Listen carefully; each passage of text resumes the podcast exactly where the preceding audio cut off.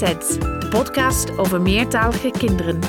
Mijn naam is Sharon Answorth, taalwetenschapper aan de Radboud Universiteit Nijmegen en moeder van twee meertalige kinderen. Daar zijn we weer met een nieuwe aflevering van Kletsets. Dit keer horen we weer van onze taalgids Sterre Leufkens. Zij vertelt je meer over Tigrinya, een taal die onder andere in Eritrea wordt gesproken. In Vers van de Pers hebben we het over een recent onderzoek waaruit blijkt dat het volgen van moedertaalonderwijs je kinderen kan helpen bij het leren van de meer lastige delen van de thuistaal. En we beginnen met een gesprek met een docent op een middelbare school in Amsterdam. Over hoe hij omgaat met de meertaligheid van de leerlingen in zijn klas en waarom hij het belangrijk vindt om het hierover te hebben. Door met de podcast. Let's klets! Mijn naam is Corano Biegeman, ik woon in Amsterdam en ik ben docent klassieke talen. Klassieke talen, dus dat is eh, Grieks en Latijns, denk ik. Ja. Talen die niet per se gesproken wordt. En dus toch zit je op een podcast over meertaligheid. En dat komt omdat ik jou een keer heb horen spreken over hoe jij omgaat met uh, meertalige kinderen in jouw klasse. Kun je daar misschien meer over vertellen? Over eh, wat jij doet eigenlijk? Ja, nou, ik geef dus inderdaad les op het Vossies Gymnasium in Amsterdam. En sinds drie jaar op het Ingenieur Lely Lyceum, ook in Amsterdam, maar dan Zuidoost. En ja, je zegt het goed, die talen die ik onderwijs, dat zijn niet talen die je leert om ze actief te gebruiken. Je kan ze niet leuk op vakantie gebruiken of, ja, of echt om mee te communiceren, normaal gesproken.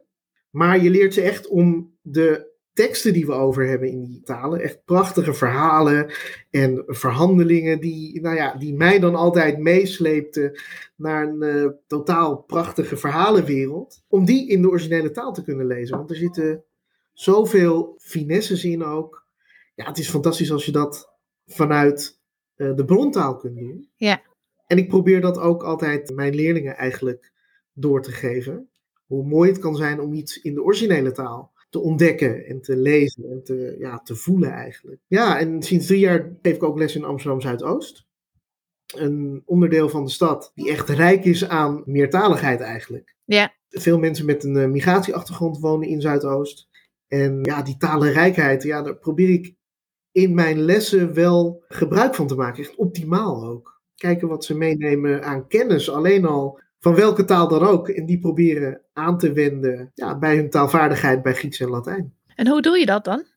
Nou ja, een heel simpel voorbeeld. Ik probeer het mezelf toch altijd een beetje makkelijk te maken in die zin dat ik werk met de materialen die, die ik al heb. Ik heb een methode met woordenlijsten, ja, want woordjes leren moet bij ons. En er is een aparte kolom, alvast, al, al leeggemaakt eigenlijk, voor eigen ezelsbruggetjes. Om woorden een beetje goed te kunnen onthouden. En ja, voor mij, ja, het maakt mij niet uit welk ezelsbruggetje ze kiezen. Het kunnen zeven, acht, negen verschillende talen zijn, als het maar iets is waaraan ze de woordbetekenis kunnen ophangen.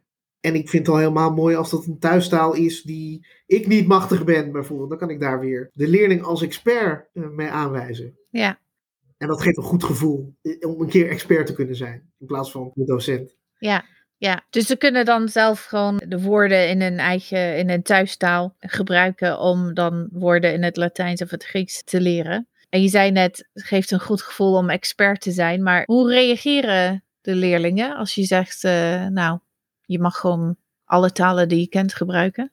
Ja, vaak eerst vol ongeloof. Mag dat? Kan dat? Hoe doe ik dat zelfs? Ja? Ja, omdat het heel weinig voorkomt. Dat ze eigenlijk aangesproken worden op hun eigen verantwoordelijkheid daarin. Op hun eigen voorkennis. En dat ook gezegd wordt dat ze genoeg voorkennis hebben ook. Dus ja, daar, daar moet ik altijd even doorheen. Mag dat? Kan dat wel? Mag het elke taal zijn? Is dan ook een... Uh, oh ja? Stellen? Ja. Wat, wat, wat, wat wordt daarmee bedoeld dan? Ik, ja, dat, dat weet ik eigenlijk. Daar vraag ik ook nooit over door. Maar wat ik me voor kan stellen, is dat ze bedoelen: mag ik zelfs mijn eigen thuistaal gebruiken? Ja, dus niet het Engels of zo, maar gewoon het ja. Turks of het Arabisch of. Uh... Ja, een, een, een, een taal die ze machtig zijn, die niet in de gewone schoolcontext gebruikt wordt, die soms wel inderdaad afgestraft wordt. Je mag, eh, wij spreken op school Nederlands, of je mag je taal niet gebruiken. En dan is het dus wel schrikken misschien, om wel die vrijheid te krijgen. Of, nou, schrikken, groot woord, onwennig. Ja. Ja. Denk je dat het helpt? Ik denk dat het één onderdeel is van het helpen. Er zijn heel veel dingen die helpen om leerlingen een taal bij te brengen. En dit is er gewoon één van. Is gewoon een van de vele ja, devices die we hebben. Een van de knoppen waaraan we kunnen draaien, denk ik. Ik denk dat ik dat zelf ook veel meer zou kunnen inzetten. Op meer plekken dan dat ik nu doe. Maar kan altijd beter natuurlijk. Ja, het is altijd leuk om uh, nieuwe dingen te leren, nieuwe aanpakken uit te Ja. proberen natuurlijk. Je zei al, ik werk al drie jaar op, uh, op de school in Amsterdam Zuidoost. Maar hoe lang ben je docent en wat is je eigen achtergrond? Ja, ik ben bezig met mijn veertiende schooljaar als docent. Ik heb het opgezocht. Ja, mijn eigen achtergrond. Ik kom zelf uit Amsterdam, Amsterdam-Oost. En uh, mijn ouders hebben een uh, migratieachtergrond. Komen allebei uit Suriname. Een land waar Nederland natuurlijk koloniale banden mee heeft. Zo zijn ze ook uh, hier gekomen. Ben je meertalig opgevoed? Nee, nee. En dat hebben ze expres gedaan. Mijn ouders hadden het idee van, nou, Nederland is jouw land, daar moet je uh, je toekomst opbouwen. En een andere taal of zelfs een ander accent alleen al, zet je op achterstand. Mm -hmm. Dus ja, mijn broertjes en ik zijn echt opgevoed met het idee Nederlands is de uitgangstaal. En er is eigenlijk ook geen andere. Ja, Engels en Frans en Duits, dat mocht ook nog. Maar echt, uh, ja, westers schoolprincipe eigenlijk. Ja, en wat, wat vond je daar toen van? En wat vind je er nu van? Ja, een beetje, een beetje lastig.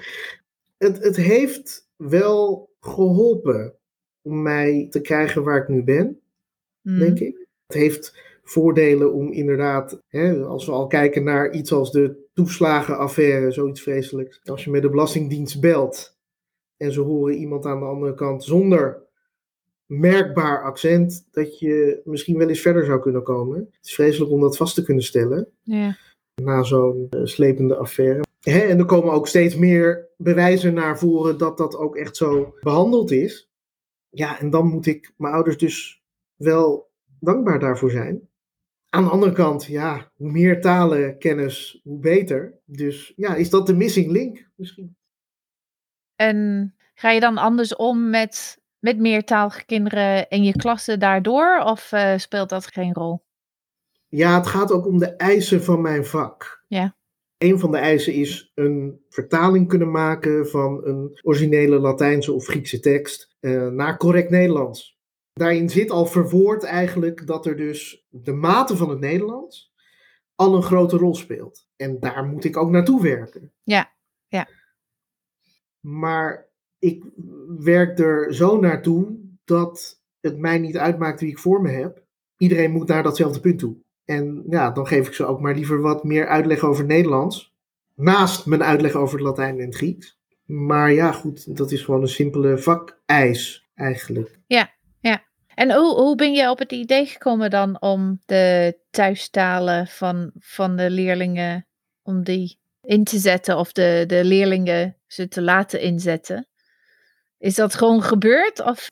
Nou, juist omdat ik in Amsterdam Zuidoost ging werken, werd ik door de leerlingenpopulatie, die echt ook uh, etnisch gemêleerder is dan op uh, het Vossies Gymnasium in Zuid. Nou, nu, Ja. nu begint het gelukkig al wat bij te trekken, ook in Zuid. Dus voor diegenen die niet in Amsterdam wonen of niet in Amsterdam bekend zijn, Amsterdam Zuid is een vrij rijke buurt. Of? Dus ja, je zou kunnen stellen dat ja, Amsterdam Zuid is een meer welgesteld onderdeel van de stad. En dat heeft zijn weerslag ook in de populatie die zo'n categoraal gymnasium bezoekt. Ja. Dat is uh, ja, toch minder etnisch divers. Gewoon, ja, ik wil niet zeggen dat het afwezig is, maar je ziet het heel erg terug. En juist daardoor dacht ik, nou, misschien is een andere aanpak om ook de leerlingen deel te maken van het opbouwen van het gymnasium in Amsterdam Zuidoost. Een stadsdeel dat juist te maken heeft gehad met jarenlang een slecht imago. Om die leerlingen ook een beetje een uh, plek te geven dat ze expert zijn. Ja, en Ja, ik ben benieuwd hoe reageren je collega's daarop? Hebben jullie het daarover en krijgt meertaligheid ook een plek in de school meer algemeen? Nou, ik, ik deel het eigenlijk niet zo met mijn collega's, moet ik zeggen. Nou, na deze podcast wel natuurlijk. Ja, nee, duidelijk. en misschien dat ik dat inderdaad ook moet doen. Ja, en, en we, we zijn toch in alle vakken wel bezig met taalbeleid in die zin dat we de leerlingen die misschien inderdaad in een minder Nederlandstalige omgeving uh, opgegroeid zijn, ja, om ze wel richting uh, de examens te brengen. Dus ja, we hebben over meertaligheid eigenlijk niet een, een goed beleid. Nou ja, we hebben over meertaligheid een nog geen beleid eigenlijk. Juist omdat we ook bezig zijn om eerst uh, de taalvaardigheid van het Nederlands op te bouwen. Maar misschien is het goed om ook de thuistaal daarbij te betrekken. Ja, want als ik jou hoor, dan heb je ook zelf ervaren hoe dat ook kan helpen. En we weten uit onderzoek dat dat ook zo is. Hè? Dus... Nee, ja, en precies dat onderdeel van het onderzoek, dat is wel iets dat me bijgebleven is van mijn eigen studie. Een van mijn eerste colleges op de universiteit was algemene taalkunde. Mm En daarin kwam, ja, ik geloof zelfs in die eerste week al naar voren dat meertaligheid in zijn algemeenheid juist verrijkend is. En we hebben artikelen daarover gezien en eh, wetenschappelijke informatie daarover gekregen. En ik begon te studeren aan het begin van de Zero's, hè, 2003. En dat we hier nog steeds een debat over aan het voeren zijn. Dat vind ik opmerkelijk. Terwijl er al twintig jaar duidelijk is hoe erg dat kan bijdragen aan kennisuitbreiding in het algemeen. Ja, en dat is echt zeker frustrerend, ook zeker als je in het onderzoek zit. En ja, er zijn duidelijke resultaten vanuit het onderzoek en dat wordt niet opgenomen door het beleid. Ja, zonde. Heb jij daar ideeën over hoe, hoe we daar verandering in kunnen brengen? Zijn de leerkrachten misschien wel deel, een deel, een heel belangrijk deel van het schakel? De schakel zelfs? Ja, uh, misschien. Ik heb er misschien niet zo over nagedacht dat we een belangrijke schakel daarin zouden kunnen zijn. Maar ja. ja, het is ook hoe de samenleving in zijn geheel misschien kijkt naar anderstaligheid, meertaligheid. Voor het inburgeren moet je echt een bepaald niveau halen in het Nederlands. Alles is daarop gefocust. Teksten van nou, de Belastingdienst, van alle overheidsorganen zijn echt helemaal toegespitst op het Nederlands. Ja, wat op zich is prima. We wonen in Nederland, hè? dus uh, Nederland is een van de officiële talen. Ja. En zeker de belangrijkste officiële taal van Nederland. Ja, maar er wordt ook heel erg de nadruk op gelegd. Het is of-of, hè? Dus het, uh, er kan één en-en zijn. Ja, juist om ook de rijkheid die meertaligheid binnen kan brengen. Niet alleen voor kennisoverdracht, maar het, het geeft mensen het gevoel dat ze ook deel zijn van Nederland. Dat hun talenkennis er ook mag zijn. En dat talenkennis in zijn algemeenheid gezien wordt als kennis. Ja. Dat, dat kan het allemaal wel bevorderen. Dus ja, het begint al bij een basisschool, hè, waar soms op de deur hangt: wij spreken hier Nederlands. Ik begrijp het wel, want je moet die kinderen inderdaad naar een bepaald niveau krijgen, maar je sluit daarmee ook uit. Ja, zeker. Zeker. Daar hebben we het ook vaker gehad uh, uh, in de podcast. Ja. Zijn er andere dingen die jij dan doet met de andere talen van leerlingen in je klas? Je noemde ja. één voorbeeld. Ja, meerdere dingen. Ik heb uh, zelf even gekeken hoe bepaalde dingen in het standaard Arabisch werken. Want ik heb enkele leerlingen die, die daar kennis van hebben. Om zo uit te leggen hoe bijvoeglijk naamwoorden zich altijd voegen naar zelfstandig naamwoorden waar ze extra informatie over geven. Ja, en dan zie je toch sommige oogjes oplichten. En, en, en toen kreeg ik ook de vraag, maar hoe weet u dit allemaal? Kunt u Arabisch spreken? Ik zeg, kan helemaal niks. Ja, jullie kunnen dat veel beter dan ik. Ook om ze te laten zien, je hoeft niet expert, eh, volledige expert te zijn op het gebied. Uh, maar, maar je gewoon even verdiepen in een onderdeel van waar die leerlingen misschien aan kunnen haken. Ja, dat is ook al waardevol misschien om ze ook een beetje een wetenschappelijke houding aan te leren. Ja, en zie je verandering dan in hoe de leerlingen misschien nadenken over hun het belang, de nuttigheid van een thuistalen? Of is dat een beetje te ver gezocht? Dat is misschien een, een, volgende stap weer. Ja, Het is voor mij voldoende dat ze zich gezien voelen, dat ze zien dat er interesse getoond wordt in hun achtergrond. Ja, dat, dat probeer mee te nemen ook in, nou ja, die zogenaamde dooie talen die ik onderwijs. ja. Is dat wat je, waar je het meest trots op bent? Ja, ja, dat die kinderen, ongeacht hun thuistalige achtergrond, ook hun eigen plekje binnen de klassieke studie eh, kunnen vinden. En overal ergens kunnen aanhaken. Zou je bepaalde dingen anders willen zien in de toekomst? Hoe ziet de toekomst eruit voor meertalige Ja, leerlingen? goede vraag. Ik denk gewoon in de breedste zin dat talenkennis in zijn algemeenheid echt wordt gezien als een pluspunt. En behalve talenkennis ook de achtergronden bij zo'n taal, hè, cultuurkennis, dat dat echt gewaardeerd wordt. En ook gezien wordt als, ja, als een verrijking voor bedrijven om eh, mensen binnen te halen met veel talenkennis. Om gewoon ook gevoel voor begrip voor elkaar te kweken hè, binnen zo'n klas. Oh, wat goed dat jij die taal spreekt. Wat leuk dat jij meer weet over.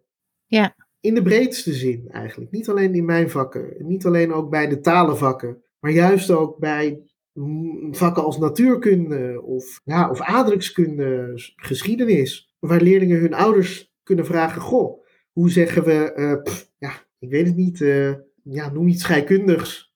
Een, een, een element. Wat is de term voor element in mijn thuistaal of in een andere taal? Misschien dat een leerling die nou ja, daarmee moeite heeft, dan juist meer inzicht krijgt.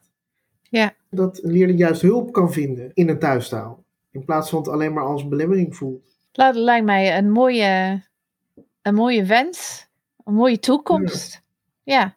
Nou, dankjewel voor dit heel mooi gesprek. Ik vond het heel interessant om te horen wat je allemaal eh, doet. En ook te horen hoe jij nu zo, zo live aan het denken bent van... oh, misschien Ja. moeten we, moet ik wel met mijn collega's en misschien Ja. moet ik... Dit is, het is echt heel erg leuk, dus dankjewel. Ja, dankjewel voor, voor de uitnodiging. Ik vond het heel leuk om eh, ja, erbij te zijn. Vers van de pers. In Vers van de Pers vertel ik je over een recent verschenen onderzoek over meertalige kinderen. Ik vat de belangrijkste bevindingen voor je samen en probeer deze ook naar de praktijk te vertalen. Het onderzoek dat ik voor dit keer heb gekozen gaat over twee onderwerpen die we al eerder in Kletsets hebben besproken. Namelijk hoe de talen van een meertalig kind elkaar kunnen beïnvloeden, tussentaalinvloed noemen we dat, en de rol van de hoeveelheid en type taalaanbod. Dus hoeveel je hoort van de verschillende talen en in welke contexten en van wie. De meeste onderzoeken die naar tussentaalinvloed kijken, doen dit door een groep meertalige kinderen te vergelijken met een groep eentalige kinderen of twee verschillende groepen meertaligen met elkaar te vergelijken. En als we dan verschillen zien tussen die eh, groepen die te wijten zijn aan de andere taal van de meertaligen, dan zeggen we dat er tussentaalinvloed is. Het boeiende van het onderzoek van vandaag is dat er gekeken wordt naar meertalige kinderen die allemaal dezelfde thuistaal hebben, Russisch. Maar deze kinderen die groeien in verschillende landen op. Dus in Israël, Duitsland, Noorwegen, Letland en het Verenigd Koninkrijk. Dus er wordt gekeken naar de effect van de talen die in deze landen worden gesproken op het Russisch. Nou, deze talen, Hebreeuws, Duits, Noors, Lets en Engels, ze verschillen op interessante manieren van elkaar. Daar komen we zo op. Een ander boeiend deel van dit onderzoek is dat als het gaat om het kijken naar de rol van de hoeveelheid en de type taalaanbod, en niet alleen naar taalaanbod thuis en op reguliere school wordt gekeken, maar ook naar taalaanbod dat kinderen krijgen via moedertaalonderwijs. Met moedertaalonderwijs wordt bedoeld heritage language schools of zaterdagscholen, weekendscholen. Dat is als je als meertalig kind in het weekend les krijgt. Je gaat naar een school om onder andere te leren lezen en schrijven in je thuistaal. Daar hebben we het eerder over gehad in Kletsets. Ik zet een link naar de juiste aflevering in de show notes. Het onderzoek is uitgevoerd door een groep onderzoekers in Noorwegen, Israël en Duitsland, onder leiding van Julia Rodina van de Arctic University of Norway in Tromsø. Zij hebben gekeken naar hoe meertalige kinderen in deze vijf landen grammaticaal geslacht leren in het Russisch. Nou, grammaticaal geslacht is een manier om zelfstandige naamwoorden in te delen, om ze te klassificeren. Nederlands heeft grammaticaal geslacht, dus elk zelfstandig naamwoord is of een de woord of een het woord. Dus het is zijdig of onzijdig. Niet alle talen hebben grammaticaal geslacht, bijvoorbeeld het Engels heeft het niet, maar een flink aantal wel, waaronder het Russisch. Nou, Russisch heeft drie geslachten, mannelijk, vrouwelijk en onzijdig. Andere talen, zoals het Nederlands, dat zei ik net, hebben twee geslachten. Noors, Lets, Hebreeuws, Frans en Spaans, ze hebben ook allemaal twee geslachten. Uh, bepaalde dialecten van het Noors lijken op het Nederlands, want zij hebben zijdig en onzijdig. En talen zoals het Lets, Hebreeuws, Spaans en Frans hebben mannelijk en vrouwelijk als de twee grammaticaal geslachten. Welk geslacht een zelfstandig naamwoord heeft, is niet altijd logisch. Denk bijvoorbeeld aan het woord meisje in het Nederlands. Dat gaat om iets vrouwelijks, maar het woord zelf is onzijdig. Hoe weet je welk grammaticaal geslacht een zelfstandig naamwoord heeft? In veel talen zie je dat aan het woord zelf. Dus in het Russisch eindigen de meeste mannelijke zelfstandige naamwoorden op een medeklinker, zoals het woord voor tafel, stol. En als een zelfstandig naamwoord op een a eindigt, dan is het waarschijnlijk vrouwelijk, zoals Lisa. Dat betekent vos. Nou, sommige van deze aanwijzingen zijn nuttiger dan andere. Bijvoorbeeld dat a aan het einde, waar ik het net over had, voor vrouwelijke zelfstandige naamwoorden, dat wordt wel eens uitgesproken als e. Een e is in feite een aanwijzing voor een onzijdig zelfstandig naamwoord. Dus als een woord op een e eindigt, dan weet je niet of het vrouwelijk of onzijdig is. Sommige aanwijzingen komen ook minder vaak voor, bijvoorbeeld de uitgangen voor onzijdige naamwoorden. Voor geslachten met onduidelijke of minder frequente aanwijzingen hebben kinderen vaak langer nodig om deze te leren.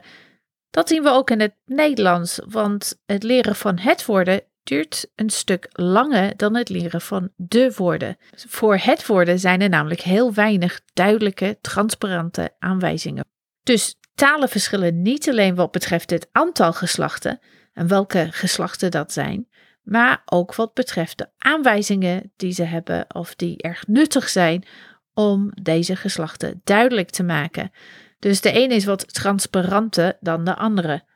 In dit onderzoek zijn de talen Lets en Hebreeuws transparanter wat betreft grammaticaal geslacht dan het Duits en het Duits is wederom transparanter dan het Noors. Dit is belangrijk, want het blijkt uit eerder onderzoek met meertalige kinderen dat als ze twee talen leren met grammaticaal geslacht en de ene taal wat transparanter is dan de andere, kan dit helpen om uit te vogelen hoe grammaticaal geslacht zit in de andere taal. Dan krijg je meertalige kinderen het grammaticaal geslacht sneller onder de knie dan eentalige kinderen. Tegelijkertijd komt uit ander onderzoek voort dat het leren van twee talen die elk twee geslachten hebben en dan, maar dan wel anders, dus bijvoorbeeld mannelijk, vrouwelijk in de ene taal, zijdige, onzijdige in de andere, dat kan ertoe leiden dat meertalige kinderen er langer over doen dan een eentalige leeftijdsgenoten.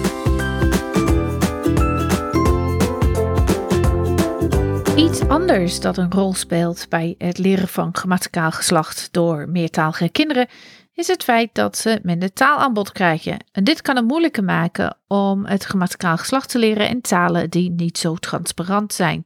De deelnemers in dit onderzoek waren meertalige kinderen tussen de 3 en 10 jaar oud, maar meestal tussen 5 en 7, met zoals gezegd Russisch als moedertaal en in vijf verschillende landen, met tussen de 20 en 70 deelnemers in elk land. Nou, deze landen verschillen niet alleen in de taal die daar gesproken wordt, maar ook in de grootte van de Russisch-talige gemeenschap. Dit is bijvoorbeeld veel groter in Israël en Letland in vergelijking met bijvoorbeeld Noorwegen. Sommige kinderen groeiden op in gezinnen waar één van hun ouders Russisch-talig was en de andere ouder sprak dus een andere taal. En andere kinderen groeiden op in gezinnen waar beide ouders Russisch spraken. De meeste kinderen hadden enige vorm van onderwijs in het Russisch genoten. Het zij op uh, Heritage Language School, dus op moedertaalonderwijs. Het zij omdat ze in een tweetalig programma zaten op school of op de voorschool.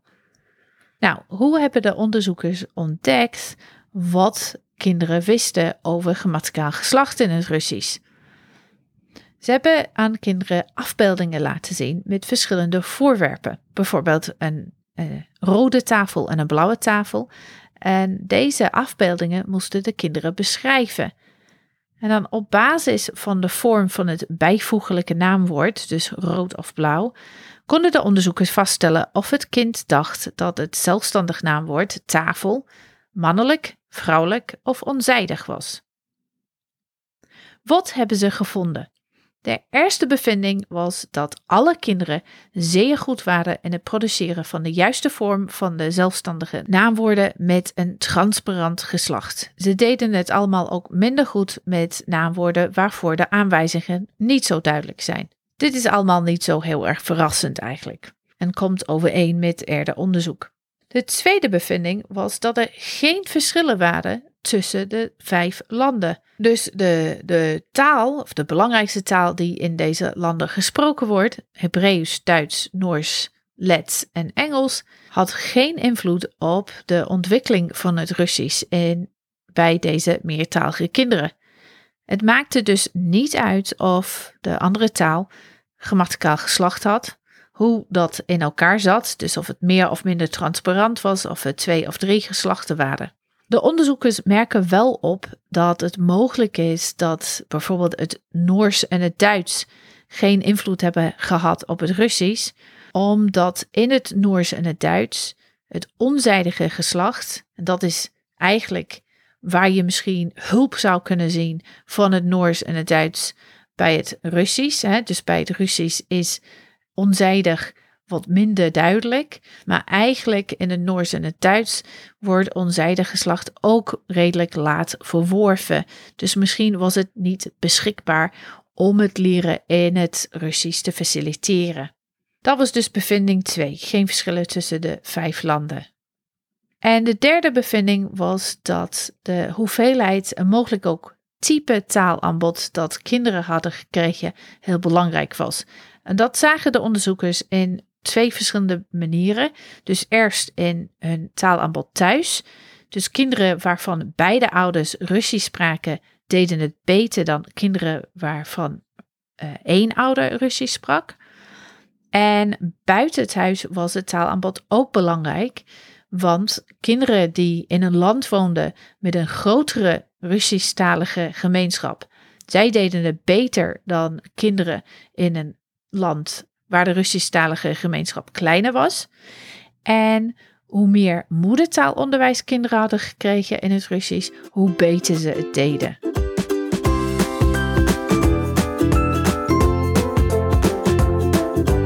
Wat kun je als ouder uit dit onderzoek halen?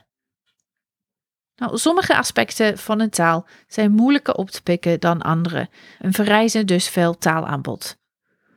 Meestal gaat het om dingen die uitzonderingen zijn op de regel, of waar de aanwijzingen die kinderen kunnen helpen om het systeem te begrijpen beperkt zijn, zoals onzijdig geslacht in het Russisch. Even tezijde, ik denk dat het belangrijk is om op te merken dat niet alles dat niet zo vaak voorkomt, duurt lang om te leren. Wat je als ouder verder kunt halen uit dit onderzoek is dat het moedertaalonderwijs soms een belangrijke bron kan zijn van ander soort taalaanbod, zeker als een kind daar leert lezen en schrijven. Het is misschien dus het overwegen waard om je kind in te schrijven voor het moedertaalonderwijs als dat beschikbaar is in de buurt van waar jij woont. Nogmaals, we hebben daar eerder een aflevering over gehad en ik zal de link in de show notes zetten. En wat kun je als leerkracht of logopedist uit dit onderzoek halen? Precies die aspecten van taal die uitzonderingen zijn op de regel of waar aanwijzingen beperkt zijn, dat zijn de aspecten die misschien extra aandacht nodig hebben.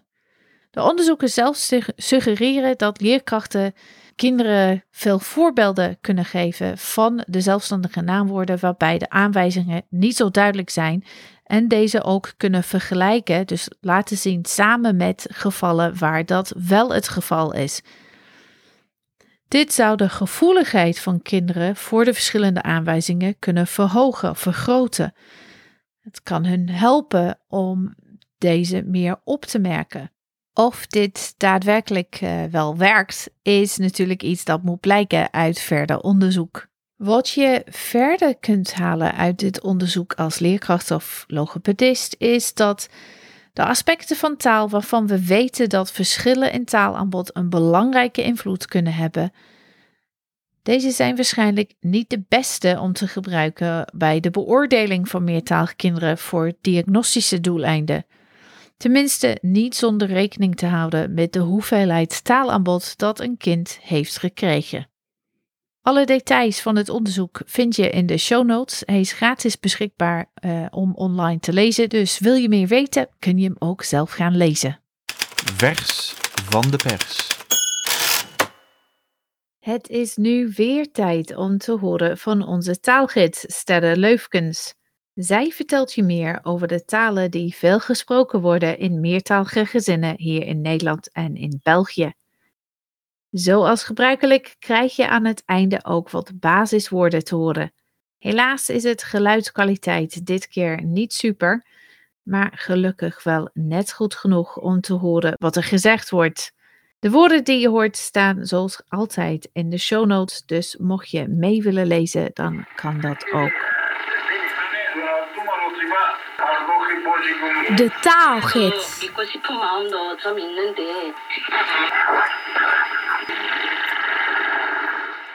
Vandaag vertel ik jullie wat meer over een vrij onbekende taal, het Tigrinya. En het Tigrinya wordt gesproken in een deel van Ethiopië en in het buurland Eritrea. Het Tigrinya is de taal van de Tigrinya, de naam zegt het eigenlijk al. Dat is een grote etnische groep in Eritrea.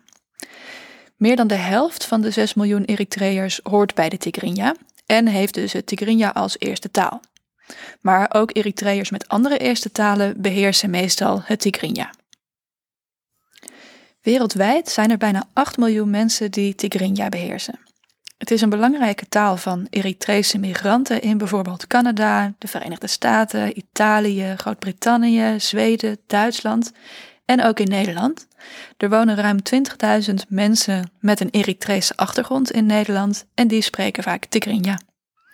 Het Tigrinya is een Semitische taal, net als bijvoorbeeld het Hebreeuws en het Arabisch. Daar lijkt het dus ook wel een beetje op, maar het is echt een andere taal. Het Tigrinya wordt geschreven in het zogenaamde Ge'ez-schrift. En dat zit heel anders in elkaar dan het Latijnse schrift dat we bijvoorbeeld voor het Nederlands gebruiken. In het Latijnse schrift komt namelijk elke letter min of meer overeen met één klank. Maar het Ge'ez-schrift bestaat uit symbolen en elk symbool komt overeen met twee klanken: een medeklinker en een klinker. Je hebt bijvoorbeeld een symbool dat lijkt een beetje op een V, en dat symbool staat in zijn eentje voor H. Als je nou een punt aan de rechterkant zet van dat veetje, dan staat het voor hoe. Maar als je een krulletje vastmaakt aan het veetje, dan staat het voor ho. Nou, als je dat een beetje moeilijk voorstellen vindt, dan kun je een plaatje van alle symbolen zien in de show notes bij deze aflevering. Wat bijzonder is aan het Tigrinya is dat het heel simpele lettergrepen heeft. Er zijn eigenlijk drie opties. Een lettergreep kan bestaan uit alleen een klinker, bijvoorbeeld A. Een lettergreep kan bestaan uit een medeklinker plus een klinker, bijvoorbeeld ma. Of het kan bestaan uit een medeklinker, een klinker en nog een medeklinker, bijvoorbeeld maat. Dat zijn de enige opties. In het Nederlands kun je nog veel meer medeklinkers toevoegen. Denk maar aan woorden als krant of herfst of angstschreeuw, met veel meer medeklinkers op een rij. Zulke woorden kunnen soms lastig zijn om te verstaan en uit te spreken voor eerste taalsprekers van het Tigrinya. Zij zullen dan, om het iets makkelijker te maken, soms een klinker toevoegen aan een woord. Dan wordt fiets bijvoorbeeld fiets, of melk wordt melk. Misschien denk je al, ja, dat doen moedertaalsprekers van het Nederlands ook wel eens. En je kent het misschien ook wel uit het Japans.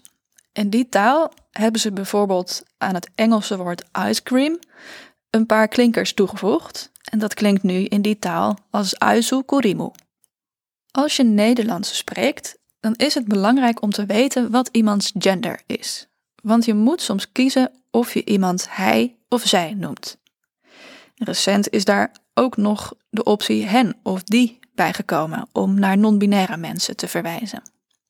In het Tigrinya moet je ook kiezen tussen hij of zij, maar ook bij jij, jullie en bij het meervoud, zij, heb je een mannelijke en een vrouwelijke versie. Als je iemand aanspreekt, zeg je dus eigenlijk jij vrouw of jij man. En dan is er ook nog een beleefde versie, een soort u-achtig woordje. En daar heb je ook weer een mannelijke en vrouwelijke versie van in het Tigrinya. Heb je al zin om zelf een paar woordjes Tigrinya te spreken? We gaan nu een paar van de basiswoorden laten horen. Allereerst het woord voor hallo. Dat klinkt in het Tigrinya als volgt. Salam. Salam. Salam. Ook heel belangrijk, het woord voor ja. Dat klinkt zo. Uwe. Uwe. Uwe.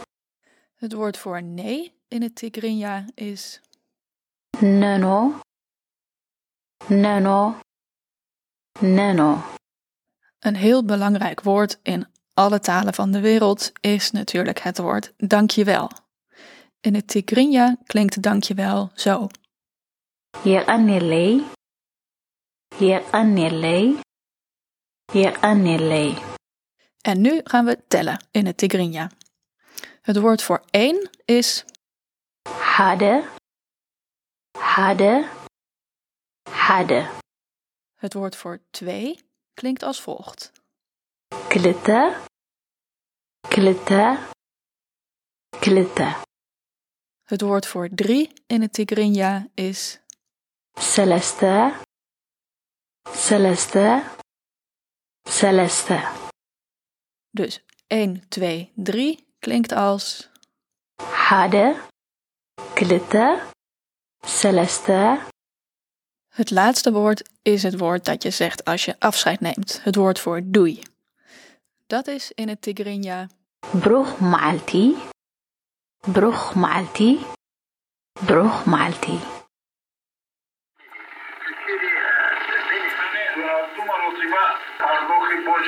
De taalgids.